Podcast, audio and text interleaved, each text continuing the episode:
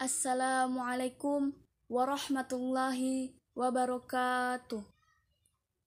Sebagai makhluk sosial, manusia tentu tidak dapat hidup seorang diri. Ia pasti memerlukan bantuan orang lain, baik untuk melakukan sesuatu maupun untuk berbagi cerita mengenai kehidupan. Dalam Islam juga memerintahkan kita untuk menjaga ukhuwah Islamiyah dan menjaga hubungan baik sesama manusia. Berbicara mengenai hubungan sesama manusia, kita pasti pernah atau sedang memiliki seseorang yang akan kita tuju ketika kita ingin berbagi cerita mengenai kehidupan, baik cerita yang menyenangkan maupun cerita yang menyedihkan. Seseorang yang mungkin dapat kita sebut sebagai sahabat. Tapi apa sih sebenarnya arti sahabat dalam Islam? Dan persahabatan seperti apa yang akan bermanfaat untuk kita di akhirat nanti. Sahabat adalah orang yang sangat dekat dengan kita yang tidak memiliki hubungan darah maupun marga. Dalam Islam, hubungan seperti ini disebut saudara. Seperti dijelaskan dalam Quran surat Al-Hujurat ayat 10 A'udzubillahi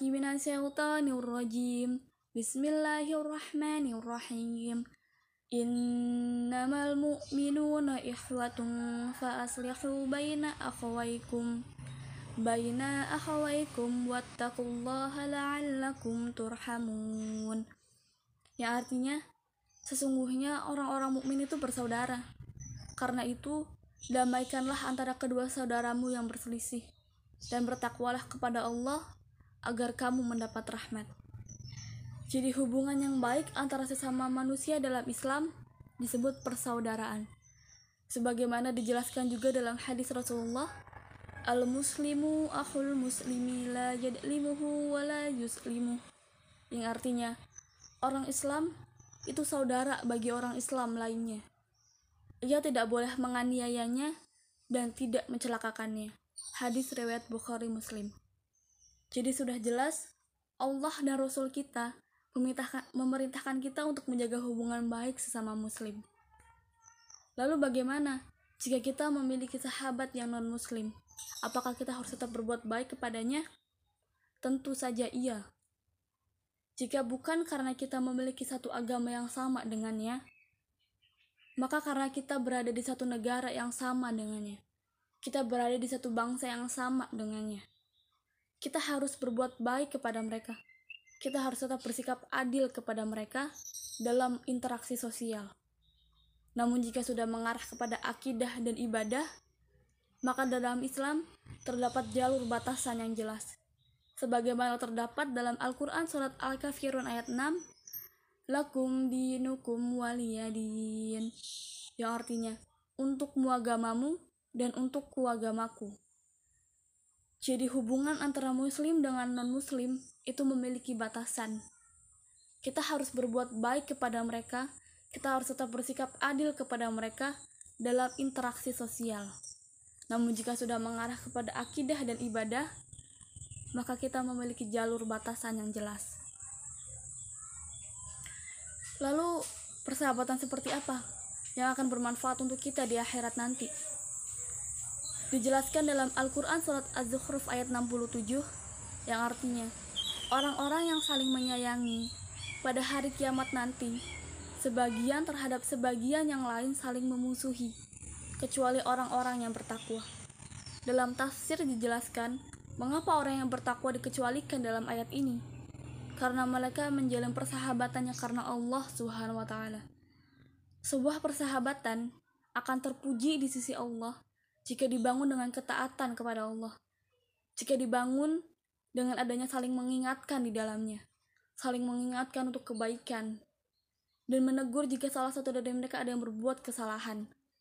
Jadi untuk teman-teman yang sudah memiliki sahabat seperti ini, yang ketika kita nongkrong atau ketika kita keluar main, ketika tiba waktunya sholat, ia akan selalu mengingatkan kita untuk mengajak kita untuk sholat. Ketika kita melakukan kesalahan, ia akan menegur kita. Mungkin dia akan rewel, dia dan akan sedikit terlihat menyebalkan. Tapi persahabatan seperti inilah yang nantinya akan dapat bermanfaat untuk kita di akhirat nanti. Sahabat seperti inilah yang nantinya dapat menjadi sahabat dunia akhirat. Seperti terdapat dalam suatu kisah, ketika ada seorang ikhwan yang memohon kepada Allah, yang menyebutkan tentang teman yang tidak berada di surga bersamanya. Padahal mereka melakukan ibadah bersama-sama. Mereka melakukan puasa bersama-sama. Mereka menunaikan sholat bersama-sama. Namun mungkin karena bekal dari temannya tidak cukup, maka ia berada di neraka. Namun temannya yang di surga ini tidak rela. Ia memohon kepada Allah, "Ya Allah, temanku yang itu ya Allah, sahabatku yang itu ya Allah." Beliau waktu di dunia bersamaku. Beliau melakukan ibadah bersamaku. Beliau melakukan ketaatan kepadamu bersamaku ya Allah. Angkatlah dia ke surga ya Allah. Temannya di surga ini selalu berdoa, selalu memohon kepada Allah untuk mengangkat temannya yang neraka untuk bersamanya di surga. Sampai akhirnya Allah mengeluarkan temannya yang di neraka untuk dapat bersama dengannya di surga.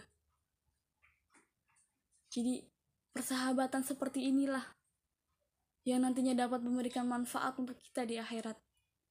Jadi untuk teman-teman yang mungkin sampai saat ini sudah memiliki sahabat yang seperti ini, sahabat yang tidak pernah lelah untuk mengingatkan kita kepada kebaikan, maka dijaga. Karena mungkin dialah yang nantinya akan membawa kita ke surga bersamanya.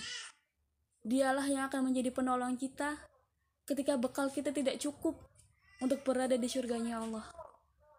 Dan untuk teman-teman yang mungkin belum menemukan sahabat yang seperti ini, ayo kita bersahabat.